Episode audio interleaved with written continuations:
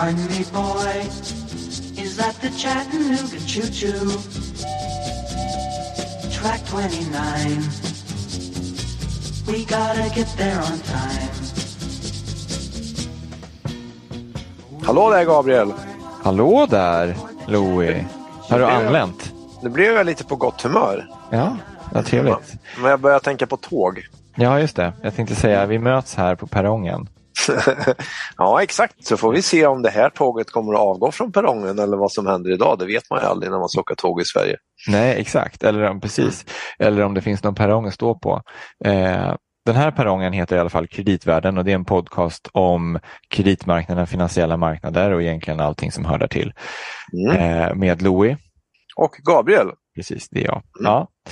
Eh, jättekul. Vi Ja. pratar ju mycket eh, om samhällsbygget eller vad man ska säga. Alltså Mm. fastigheter är ju viktigt. Och allt sånt som egentligen kräver stora investeringar och ja.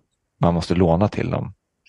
Och ibland har vi pratat om kreditmarknadens historia och då konstaterade vi ju att obligationer var med och finansierade utbyggnaden av det svenska stambanenätet. 1800-talet. Mm. Utan eh, obligationerna kanske det inte hade blivit någon industrialisering av Sverige, det är du Gabriel. Nej, precis. Först kom obligationerna, sen kom allt annat. Men jag tänker så här, obligationerna var, om man ska vara helt ärlig så var väl obligationerna ett medel snarare än ett mål här. I, först måste det ju varit någon som bestämde sig för att man helt plötsligt behövde järnväg för att frakta har- människor någon- och saker. Mm, någon på den tiden hade en vision, tänker jag. Ja, just det. Och det var ju inte självklart heller, har vi förstått. Det debatterades. De här som hade gästgiverier tyckte att man kan inte bygga järnväg för att då har, kommer vi alla de här gästgiverierna få stänga och det var det ena och det andra. Det Men sen så tänkte man att det här kanske ändå behövs för att knyta ihop det här landet. mm. men, men hur är det nu då med det här? Eh, Samma debatt men annat utfall, Ja, tänker jag. mm. lite så. Det är väl en del av eh, eh, utfallet av den nya regeringen som tillträdde i höstas att vi har nya beslut om utbyggnaden av infrastruktur va? och järnväg framöver. Ja, och det har ju hänt en del grejer och det var det här som vi tänkte att det vore väldigt intressant att diskutera kring.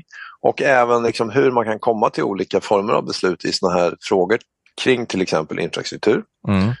Och då är det ju så bra i våran podd Gabriel att vi har ju ofta så bra gäster som hjälper oss och förklarar när vi inte vet riktigt själva.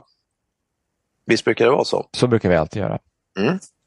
Och då är det så väldigt bra att då har vi en sån liten eh, expert på det här med politiskt beslutsfattande och sånt sak som är med oss här idag. Så då ska vi se, Simon Haikola, finns du där? Jajamän, jag är här. Trevligt att få vara med. Vad härligt, ja vi är superglada. Mm, Så då välkommen. ska vi introducera dig här. Du är forskare i miljöpolitik och även lektor och docent i teknik och social förändring vid Linköpings universitet. Det stämmer fint. Kan du berätta lite för oss alla vad, eh, vad det är du gör för någonting i din forskning? Ja, jag studerar eh, svensk miljöpolitik som du sa med fokus på 2000-talet och speciellt inriktad då på de kontroverser och värderingskonflikter som skapas i relation till olika miljöpolitiska initiativ skulle man kunna säga. Mm. Så järnvägen skulle kunna vara en sån? Kan det vara även energipolitik och annat då? Liksom, eller? Absolut, jag studerar också just nu vindkraftsutbyggnaden Mm. och har även studerat gruvpolitiken tidigare. Mm. Oj, det är ju flera områden som berör kreditmarknaden nu, Gabriel. Mhm, Precis. Det här Och- känns som vi har mycket här att reda ut, känner jag då. Ja, men vi kanske ska hålla oss ändå till det som vi har tänkt att vi ska prata om idag. Det tycker jag låter som en bra idé. Ja, och då, och då är det ju frågan om eh, hur vi bygger liksom det moderna samhället och gör samma sak som på 1800-talet eller inte. Louis, vi har ju pratat om det här förut i podden, eller hur? Mm, det har vi faktiskt och då tänker jag Gabriel, det finns ju så länkar till de här avsnitten för den som vill lyssna. För jag tycker själv, jag har lyssnat igen nu, det är väldigt intressanta avsnitt. För att för några år sedan, 2016 och 2017, då hade vi ju med HG Westberg i vår podd. Och han var ju den, en av dem som var ansvarig för den här så kallade Sverigeförhandlingen Mm. Som skulle ta fram förslag kring det här med snabb eh, järnväg. Och det. Uh, det första avsnittet det hette uh, Att förhandla om Sveriges framtid, det är avsnitt 51 och sen gjorde vi ett till ett år efter när de då nästan var klara med sitt så att säga, betänkande. Och det är avsnitt 71 och det heter Det är bara att välja. Sen var det ju tyvärr så att HG Westberg gick ju faktiskt bort ganska snart efter det här andra avsnittet. Precis när de, när de var klara i princip. Mm, mm.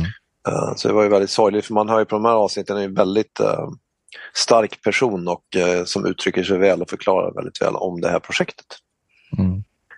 Men jag tänkte um, som bakgrund, liksom, hur, Simon och Gabriel, hur, hur kom det till det här med hela Sverigeförhandlingen? Vad, vad, vad, vad är liksom bakgrunden till att man skulle göra en utredning? Ja, jag, jag tänker, jag, Simon får berätta sen om och, och, turerna i det här, men man kan ju ge en kort bakgrund där väl att eh, alltså vi byggde ju väldigt mycket infrastruktur som vi var inne på under 1800-talet och även in på 1900-talet i samband med att man också byggde väldigt mycket bostäder i olika delar av eh, Sverige. Och på 1900-talet till exempel så byggde man ut tunnelbanan i eh, Stockholm eh, ganska tidigt jämfört med andra eh, stora städer eh, i, runt om i världen. Och En del av detta var ju att det var en förutsättning för att kunna bygga bostäder runt om eh, liksom Stockholmsområdet. Mm, just det. Eh, men sen hände det inte så mycket Simon, du får rätta mig om jag har fel, men efter 70 80-talet så, så, slutade man ju nästan, 90-talet eh, var kanske sista invigningen, slutade man ju nästan att bygga den typen av infrastruktur, tunnelbana framför allt. Då. Ehm, och här, sen var det då för vad är det, 10-15 år sedan kanske, så, började, så blossade igen debatten upp att vi behöver, för att kunna liksom växa som nu blir det väldigt Stockholmsfokuserat, men det var ju mycket där det började. Ja. Eh, så behövde man för att kunna bygga fler bostäder och för att kunna växa eh, med inflyttningen av eh, de här olika busslasterna per dag som flyttade till Stockholm, så behövde man ju bygga ut infrastrukturen, tunnelbanan framförallt, var det vissa som tyckte. Mm. Men där fanns det liksom en politisk låsning lite grann. eh, mellan eh, ja, de klassiska blocken. Men framförallt Moderaterna var skeptiska för att det kostar väldigt mycket pengar att bygga tunnelbana. Och så fanns det dessutom en låsning i politiska nivåer eftersom regionen eller landstinget som det var då hade styrde över eh, betalade för utbyggnaden av tunnelbanan och driften av den. Och staten tyckte inte att de skulle finansiera kollektivtrafik, för det var så det var uppdelat. Mm. Men då dyrkade man upp det här och tillsatte en, en eh, till slut då, det sattes lite press från olika håll i regionpolitiken i Stockholm men också inom rikspolitiken. Och till slut så dyrkades det upp och då tillsatte ju regeringen Reinfeldt, eller hur Simon, en, en Stockholmsförhandling som skulle förhandla med Stockholmskommunerna om att finansiera utbyggd, utbyggd tunnelbana och utbyte mot det bostäder och sen fördelning av kostnader. Visst var det lite mm. så det gick till? va? Exakt. Man kan ju påpeka att det var en, en tydlig omsvängning av Reinfeldts regering inför valet 2014. För de hade ju motsatt sig, eh, eller Borg i alla fall, eh, Anders Borg hade ju motsatt sig eh, det, den idén. Medan Centerpartiet som hade infrastrukturdepartementet hade varit intresserade i alla fall. Mm. Och oppositionen ville ju ha höghastighetståg. Och inför valet 2014 så svängde Reinfeldt och körde på det helt enkelt. Mm. Och då tillsatte han den regeringen. Mm, och, då upp, och sen följde man upp då den här Stockholmsförhandlingen med den Sverigeförhandling som sen blev landsöverskridande med fokus även på att koppla ihop Göteborg och Malmö med Stockholm. Mm. Och det var HG Westberg och Katarina Håkansson Boman som gjorde den utredningen. Precis, och då, jag tänkte vi kan lägga in ett klipp här då kanske Gabriel och lyssna så får HG Westberg själv berätta här om vad Sverigeförhandlingen är, eller snarare mm. vad då kanske. Sverigeförhandlingen är regeringens uppdrag till MIG att förhandla fram ett nytt höghastighetstågsystem i Sverige mellan Stockholm, Göteborg och Malmö som ska kunna leverera extremt god klimatnytta genom att i princip gör det olönsamt att flyga både tidsmässigt och ekonomiskt till Sydsverige. Mm. Eh, därutöver så ska det ge snabba regiontransporter längs med de här sträckorna. Och så finns det några andra uppdrag också, men vi håller oss till tågen tycker jag. Och i förhandlingsuppdraget ligger också att försöka förhandla fram bostäder.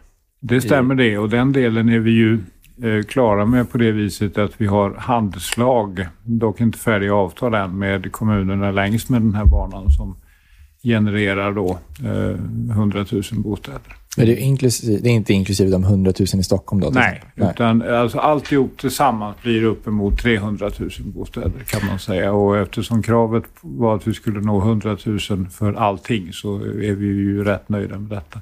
Detta har dock inte varit svårt ska jag säga därför att under den här processen så har vi ju påverkat kommunerna och det fanns också en hel del växtkraft redan, växtvilja redan innan men vi har ju stimulerat den här viljan att växa längs med de här banorna på ett sätt som nästan saknar motstycke. Just det. Ja, så där fick vi, eh, där fick vi den uh, summeringen då så att säga. Och då, sen kan man ju säga då som du sa Gabriel, då var ju visionen här att man skulle uh, knyta ihop Stockholm, Göteborg och Malmö med snabbjärnväg och det skulle väl ta eh, neråt två, två timmar. Stockholm-Göteborg och så skulle man, om jag, minns klar, om jag minns rätt, så skulle man väl med, om man skulle bygga allt på en, i en go så att säga, då skulle man väl vara klar vid 2035 ungefär tror jag, enligt den planen man hade då i alla fall. Så vad man gjorde var väl att man tog fram olika alternativ också anpassade till vad Trafikverket eh, sa och tyckte kring om man skulle dela upp det här eller inte. Som man sa, ett alternativ var att vi bygger allt på en gång och separerar det eh, separat. Då blir det på det här viset. Alternativ två är att vi delar upp det i olika delsträckor och bygger lite ja, pö om pö. Sen kopplar vi ihop det på slutet. Då, blir det, då tar det mycket längre tid, det kommer att kosta mer och så vidare. Men det är, det är också görbart. Så man la väl fram det på det viset. Så, så sa ju just HG Westberg tror jag, i avsnitt två med oss där Gabriel att ja, nu har vi de här alternativen och så kan vi göra ingenting. Det är bara att välja. Det då? Faktum är att vi skulle kunna, vi kan väl bara lyssna på ett Mm. klipp till med Håge så får han liksom summera ihop det lite grann för oss. Så att regeringen kommer helt enkelt att få två förslag. Trafikverkets förslag, och man ska ha klart för sig att även Trafikverket säger i sitt underlag till regeringen att, att eh, om man kunde bygga utan, utan den här restriktionen, att det ska rymmas i varje nationell plan, ja, då skulle man kunna bygga det snabbare och bättre och billigare. Även Så att- de säger det. Men regeringen får enkelt, helt enkelt två alternativ att ta ställning till. Ett alternativ som går fort och som ger snabba effekter på bostadsbyggande, på arbetslivspendling och på klimat. Och ett som inte får det. Det är bara att välja. Ja. Det blir spännande att se vad, vad Vi får se om debatten efter förslaget låter sådär. Den kommer ju inte att göra det riktigt. Men, men jag för min del tänker i vart fall inte sluta argumentera för det här när jag lämnar eh, slutrapporten i december. Eh, utan jag kommer ju att därefter när jag är fri från mitt statliga engagemang och från mitt engagemang i revisionsrätten i Luxemburg att ägna mig åt att leta efter möjligheter att skapa dessa bryggor jag pratar om mellan de enorma mängderna institutionellt kapital som väntar på att användas och de enorma behoven av investeringar i offentlig sektor som väntar på att göras. Det är vad jag kommer att göra resten av livet. Okej, så då har vi konstaterat att det var det här förslaget som lades fram eh, då i slutet här av ja, i 2017 från den här utredningen. Och då ska jag också säga att Gabriel, nu har vi inte pratat så mycket om finansieringen. Men det var ju en sak som, som man sa då om man skulle göra separat, att då, då skulle ju i princip det kunna finansier, finansieras just med obligationer utgällda av till exempel Riksgäldskontoret och statens räkning. Och det skulle kunna göras som en grön obligation också för den delen. Så det fanns ju också den typen av inslag. Eller man skulle också kunna göra det på någon, liksom med något privat konsortium, men då gissningsvis på betydligt högre nivåer. Så det finns ju också en väldigt intressant, tycker vi, eh, alltså finansieringsaspekt på det här. Med att kreditmarknaden eller obligationer skulle kunna stå för den här finansieringen. Mm.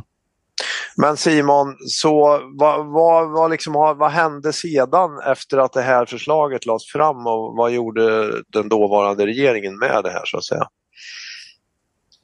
Jo, den rödgröna regeringen fortsatte på med, på premissen att det skulle byggas nya stambanor för höghastighetståg redan innan den eh, förhandlingen slutrapporterades egentligen. Men den blev ju helt avgörande för den dragningen som sen föreslogs. Just det.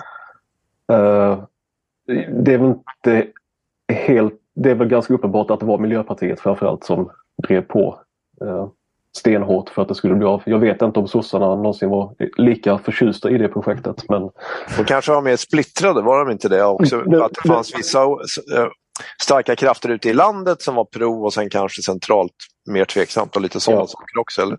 Det kan man nog tänka sig. Mm. Peter Eriksson, det gamla Miljöpartiets gamla språkrör som avgick för några år sedan. Han framhöll ju det som sin stora, sitt största misslyckande. Att man aldrig lyckades bygga de där höghastighetstågen. Så för dem var det ju uppenbarligen en väldigt, en väldigt viktig fråga. Ja. Och ska vi också säga, det kanske inte har framgått, men om om det inte har framgått ska vi kanske säga det att en idé med det här projektet var väl också hela tiden att man ser de här slutsträckorna Stockholm, Göteborg, Malmö men att med, tanke, med en tanke att det också ska gå snabba regionaltåg mellan orter som ligger mellan de här så att säga, huvudorterna och att man Mm. skulle bygga det med ett järnvägsnät där tåg kan köra även på nuvarande stambanorna. Så att det är liksom inte det, det är separata spår men det, men det, det är liksom kompatibelt med nuvarande. Så det handlar ju i väl, mångt och mycket också väldigt mycket om att lösa kapacitetsbristen. Ja. Det, är- det, det är en väldigt viktig poäng. Ja, exakt.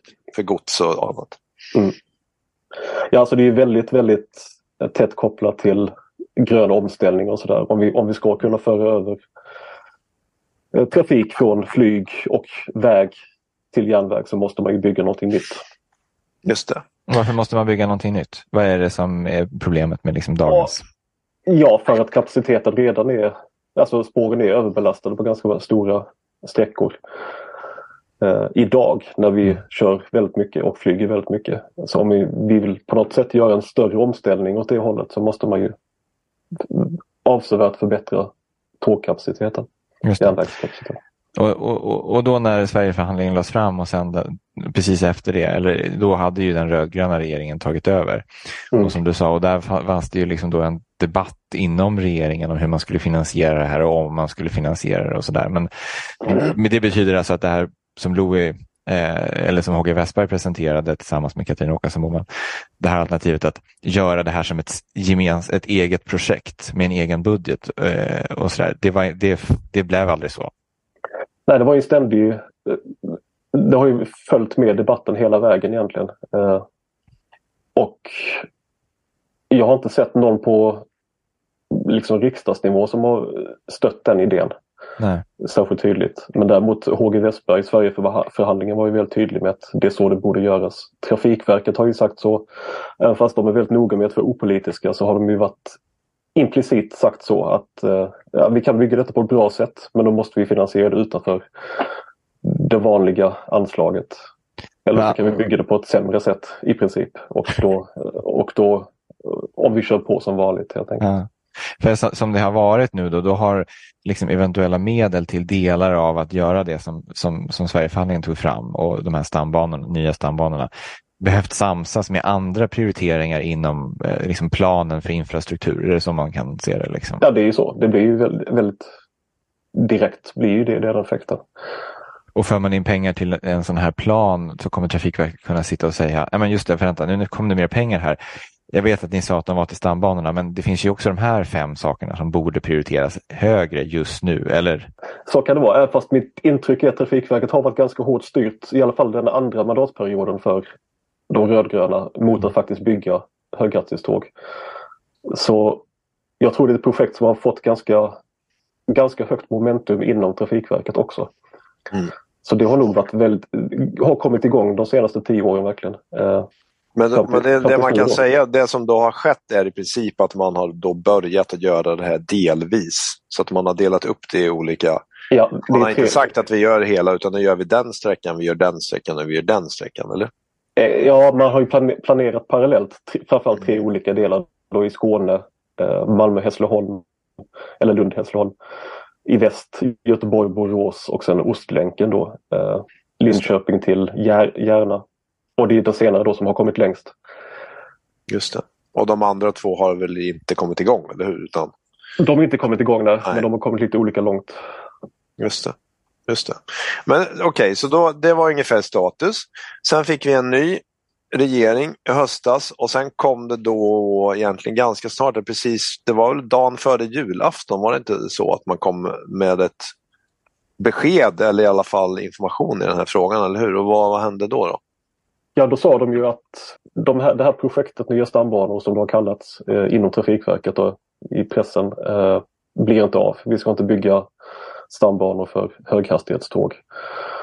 Och då när de meddelade det så var det väl fortfarande lite oklart vad det var de faktiskt menade med det. Mm. Sen har det väl klarnat i och med ett eh, besked de har, eller ett uppdrag de har gett Trafikverket då, vad de Ja, effekten av det är fortfarande högst oklart men de har i alla fall konkretiserat lite vad, vad de menar med att avbryta. Och det de menar är i praktiken att Ostlänken ska byggas som, ungefär som planerat antagligen. För att den har kommit så pass långt. Eh, I väst ska man pausa och göra om eh, utredningar. Mm. Vilket då antagligen kan tolkas som att det ändå kommer byggas någon typ av höghastighetsväg eller i alla fall nya räls, eh, nya banor. Och i Skåne ska man helt avbryta den planeringen och göra om från grunden har man sagt. Men det borde också få konsekvenser, eh, för det finns ju även internationella aspekter där jag vet att man bygger ut järnvägen i till exempel Danmark och Tyskland och så vidare. Och då Mm. borde ju det, man tycker att det borde påverka den trafiken då på sikt, när den utbyggnaden är klar, vilket är om några år. Verkligen. Jag tror att i Skåne har man aldrig varit så nöjda med den dragningen som Trafikverket har föreslagit. Eh, så det, om man spekulerar ganska fritt så kan det ha tolkats då från regeringens sida som att man inte riskerar någon större backlash därifrån kanske. Men jag tror att de inte alls är nöjda med den här idén om att helt och hållet eh, avbryta det man har gjort. För det innebär ju att man, då kastas ju det som finns i den nationella planen ut och det kommer ta minst fyra år innan man kan få in nya objekt i den nationella planen. Just det. Och även i Skåne finns det sån här kapacitetsbrist och kanske kopplingar Ja. som saknas. Ja. Precis. Och där är ju tanken att man ska kunna dra, eller om man vill kunna dra nytta av den här Fehmarn Bält eh, kopplingen som byggs, eh, som också är väldigt försenad då, eh, så vill, vill man ju ha ny kapacitet i, i Skåne också. Och där har jag även förstått att man i princip har frånsagt sig EU, alltså man, när man säger nej till den här planen så kommer man också att tappa EU-pengar som man skulle kunna fått för den här, den här utbyggnaden.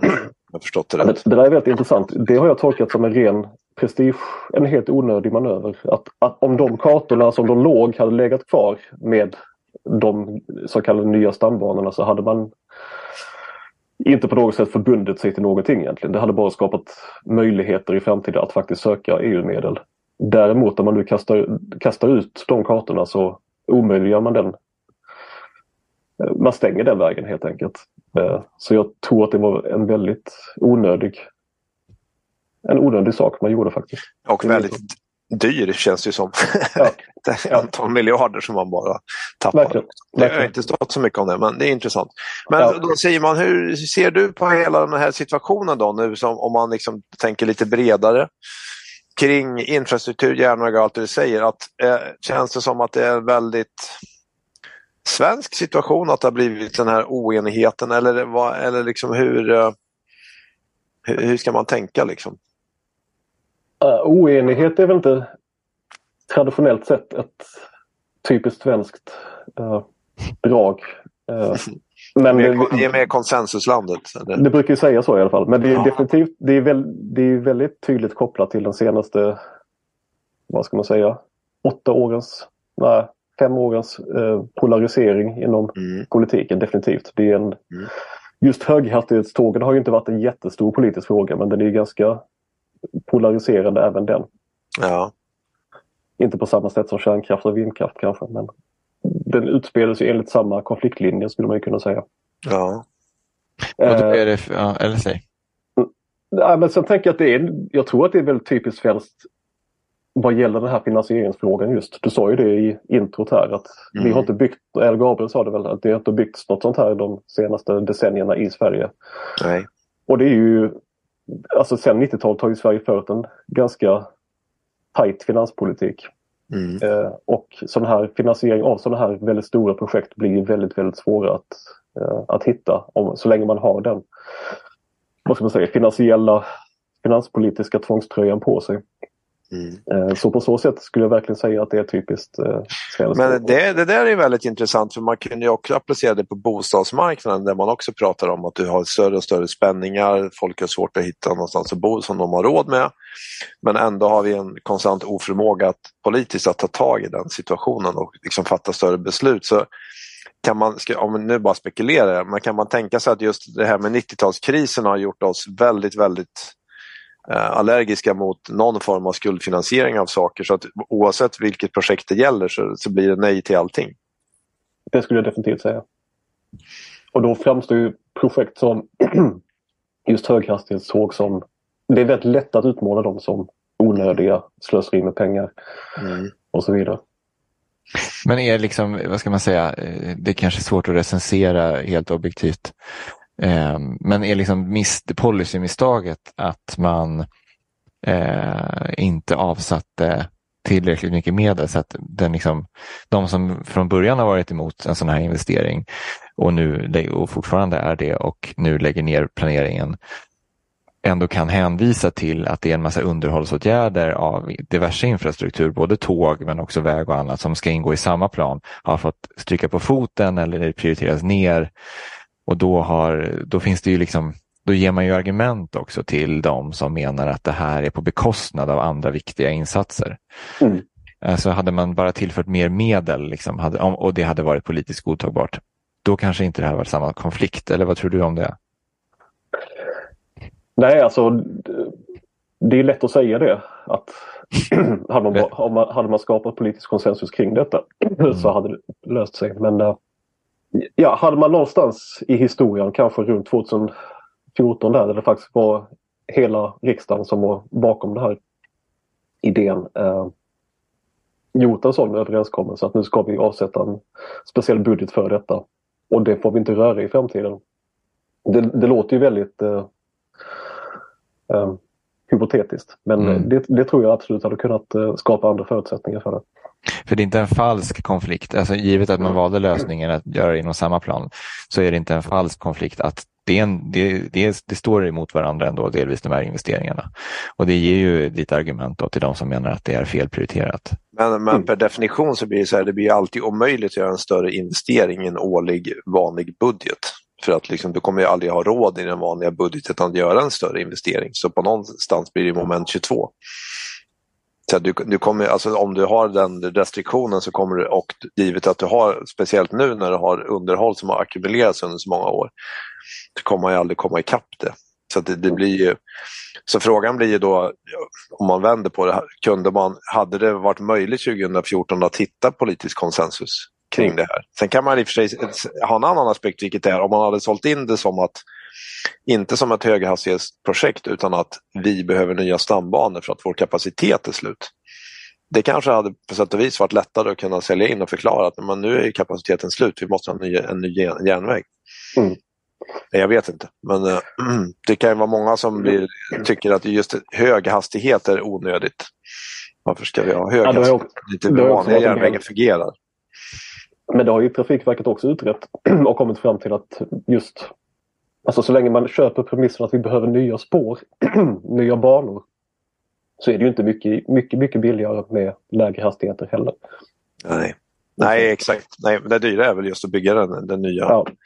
nya sträckningen. Men vad skulle du säga Simon om man jämför, för att du var ju inne på det att det är ökade konfliktlinjer i svensk politik och det, går, det är svårt att undvika att dra parallellen till energipolitiken där det också verkar uppstå låsningar kring att man är för eller emot. Du pratade ju själv om att du håller på att studera vindkraften och det känns ju som att den är nästan lika polariserande som vargjakten. Liksom. Att det är ju på den, den nivån. Liksom. Att man kan ju knappt nämna ordet vindkraft ibland för att liksom, vissa personer går i taket och så vidare.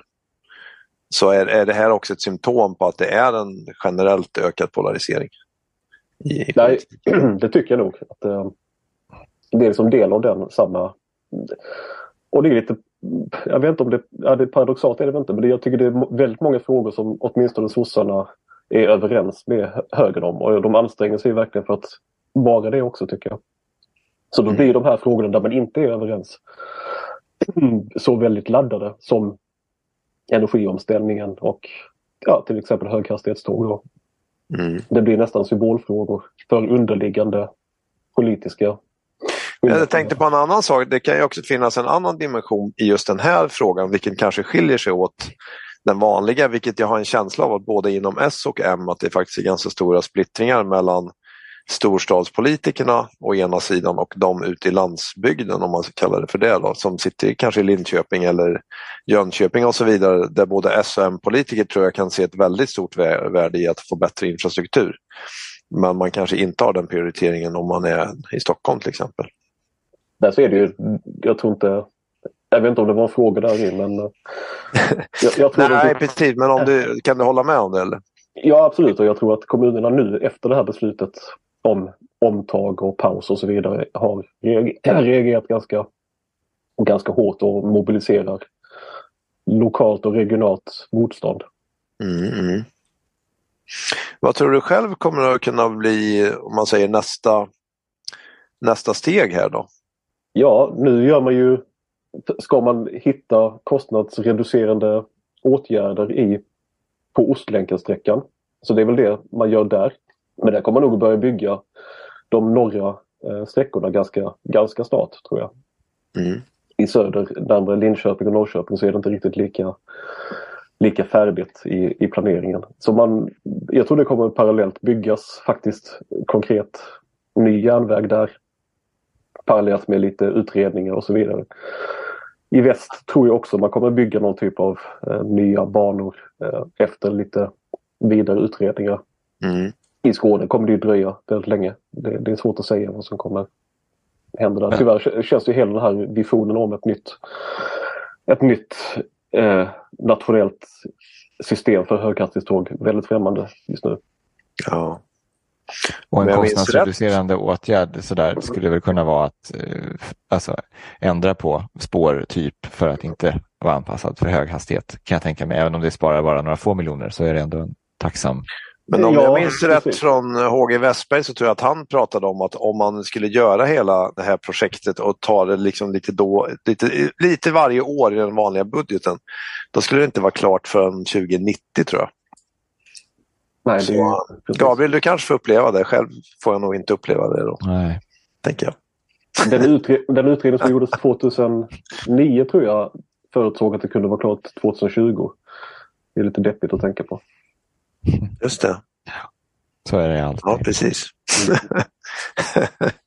Men eh, om man också resonerar allmänt politiskt, är det, ser du Simon, ser det något sånt behov, är det någonting vi skulle behöva ompröva inom svensk politik liksom för att bli bättre förmögna för att kunna fatta långsiktiga beslut? Eller vad, vad är det som fattas? Är det, är det liksom, och gör vi det här, gör vi det på ett annat vis än i andra länder? För jag har en känsla av att Klart, vi har mycket lägre statsskuld ska ju sägas, men vi har ju Många andra länder i Europa har ju de facto gjort de här sakerna för ganska länge sedan också. Ja, det är lätt att säga att man ska ompröva någonting när det, det är de här otroligt starka politiska låsningarna. Uh, alltså det är svårt att komma bort från just den här frågan. Uh, det låter kanske lite simplistiskt, men frågan om det finanspolitiska ramverket och mm. dess otroligt starka ställning som, alltså, som en idé också i svensk politik. Mm. Att, det, att det är nästan en politisk synd att ifrågasätta det. Mm. Uh, jag har svårt att se hur man ska kunna klara en storskalig energiomställning så länge man har den tanken för sig att, framför sig att man måste ja. snåla med pengarna för att vara så, uh, för att uttrycka mig så simpelt. Mm. Eh, sen är det betydligt lättare sagt än gjort. Jag tycker att det finns en debatt om det på ett helt annat sätt. I, bland bankekonomer tycker jag man ser den här frågan diskuteras ganska mycket. Eh, mm. Även bland nationalekonomer i den ekonomiska debatten. Så det är inte så att eh, det är en död fråga på något sätt. Men jag tycker nog att dörren har stängts mer efter några hoppfulla år där runt under covid. Faktum är om man knyter an till det vi sa i början så påminner det här lite grann om där man befann sig i mitten på 1800-talet när man bestämde sig för att göra stambanor. Eh, för då var det också en samma debatt mm. att ska man staten ta på sig skuld för att göra det här då är det verkligen en, vett, en vettig investering och så vidare. Men någonstans då man tänker utifrån ett tillväxtperspektiv så liksom du kräver infrastruktur så att en ekonomi ska kunna växa. Mm. Och någonstans är vi, som, precis som du säger, nu har vi en annan omställning. Vi ska klara av att ställa om till liksom, det här med klimatomställningen och, och så. Så det är andra drivkrafter men det är samma, samma debatt och samma så är det ju. risker mm. och samma utmaningar. Mm. Frågan är också på sikt, är det ett alternativ att inte göra någonting? Det får ju också konsekvenser. Så att, mm. Det är rätt Nej. intressant faktiskt. Men för att ge Simon en poäng här eh, så är det väl ändå så att vi har haft ett tillfälle sedan efter finanskrisen 2009 med sjunkande räntor och eh, i- för Sveriges del en relativt sett väldigt låg statsskuld. Nu med ett exempel från USA när man har liksom klubbat igenom enorma stora investeringspaket som har gett jättehög inflation i hela världen. Eh, plus eh, en, en helt annan ja, kostnad för att låna kapital även för svenska staten med ökande räntor. Mm. Så är ju nog eh, läget ett annorlunda kan jag tänka mig. Att det kan ju vara så. Jag, tolkar lite som att det är det du menar Simon, att tillfället kanske har passerat eh, för den här gången. För den här gången, ja, ja, jag tycker det känns så i debatten. Nu är det ju knappast någon som säger det som folk sa bara för ett och ett halvt år sedan, kanske till och med ett år sedan. Att det är läge nu för staten att låna Mm. stora summor och satsa. Utan nu är ju, nu är ju folk väldigt mycket tillbaka i det. Att nu är det inte dags att satsa utan nu är det dags att strama åt. Men då är vi Under tillbaka i tiden att eh, bygger vi upp vår välfärdsskuld. Mm. Miljöskuld. Det får man ju säga. Ja, Sveriges reaktion där är ju ganska talande för övrigt på EUs försök att möta den här initiativen från USA på en Infl- Inflation Reduction Act. Just. Mm. Eh, där Sverige är ett av de länder som motsätter sig att EU ska svara på något offensivt sätt där. Jag tycker att det här är inte läge att vidta protektionistiska åtgärder eller, eller sådär. Det tycker jag känns, känns väldigt talande för den svenska politiska kulturen nu för tiden. Ja, intressant Gabriel, det kopplade vi ihop det till det vi pratade om förra avsnittet med Sven-Olof. Kommer du ihåg det? mm. Mm. Det känns som att ja, men det, allting går i cirklar på kreditmarknaden. Eller så finns det en röd tråd. Kan, ja, så kan det skulle kunna vara så också Mm. faktiskt. Mm. Jaha, ja, men eh, Simon, det här var ju väldigt, väldigt intressant. Vi kanske kan få anledning att återkomma och prata med dig mer när vi tar upp andra saker kring eh, energimarknaden och annat som vi också tycker om att prata om i den här podden. Mm, gärna. Perfekt. Men Louis, hur, eh, Ja, hur avslutar man det här då tänkte jag säga? Men lite som att vi ändå skulle ha någon eh, Vi kanske åker vidare helt tåg. enkelt. Jag tycker att vi tuffar vidare. Ja, Och vet att uh, nu hör för den som inte hörde det i början på det här avsnittet så lyssnade vi på Chattanooga Choo. Mm. Och vi kan ju ta den igen men nu har vi en annan version, lite mer Oj. svängig med eh, Ray Charles. Ja, Det känns tillbaks till... lite eh, stiligt. Mm, precis, jag tänkte säga det. Ja. Det kanske Ja. man behöver. Det är inte blues då. Det är väl soul antar jag. Men eh, man kanske hade behövt en lite mer bluesig version egentligen med tanke på det vi Mm. precis har pratat om. Men man får väl dansa Vi medan man har. Precis, Mm. vi tar en sväng om. Mm. Ja, Men först stort, måste vi tacka Simon. ja, stort tack Simon. Mm. Väldigt Tack fint att ha dig med. komma. Tack. Och Gabriel, vi hörs snart igen. Det gör vi. Kommer ett nytt tema Ja, kan man många. tänka. Mm. Mycket poddar nu. Ja, som det ska vara. Vi hörs. Det gör vi. Hej hej! I can afford to board the Chattanooga choo-choo. You see, I've got my fare and just a trifle to spare. You leave the Pennsylvania station about a quarter to four. Read a magazine and then you're in Baltimore. Dinner in the diner, nothing could be finer than to have your ham and eggs in Carolina.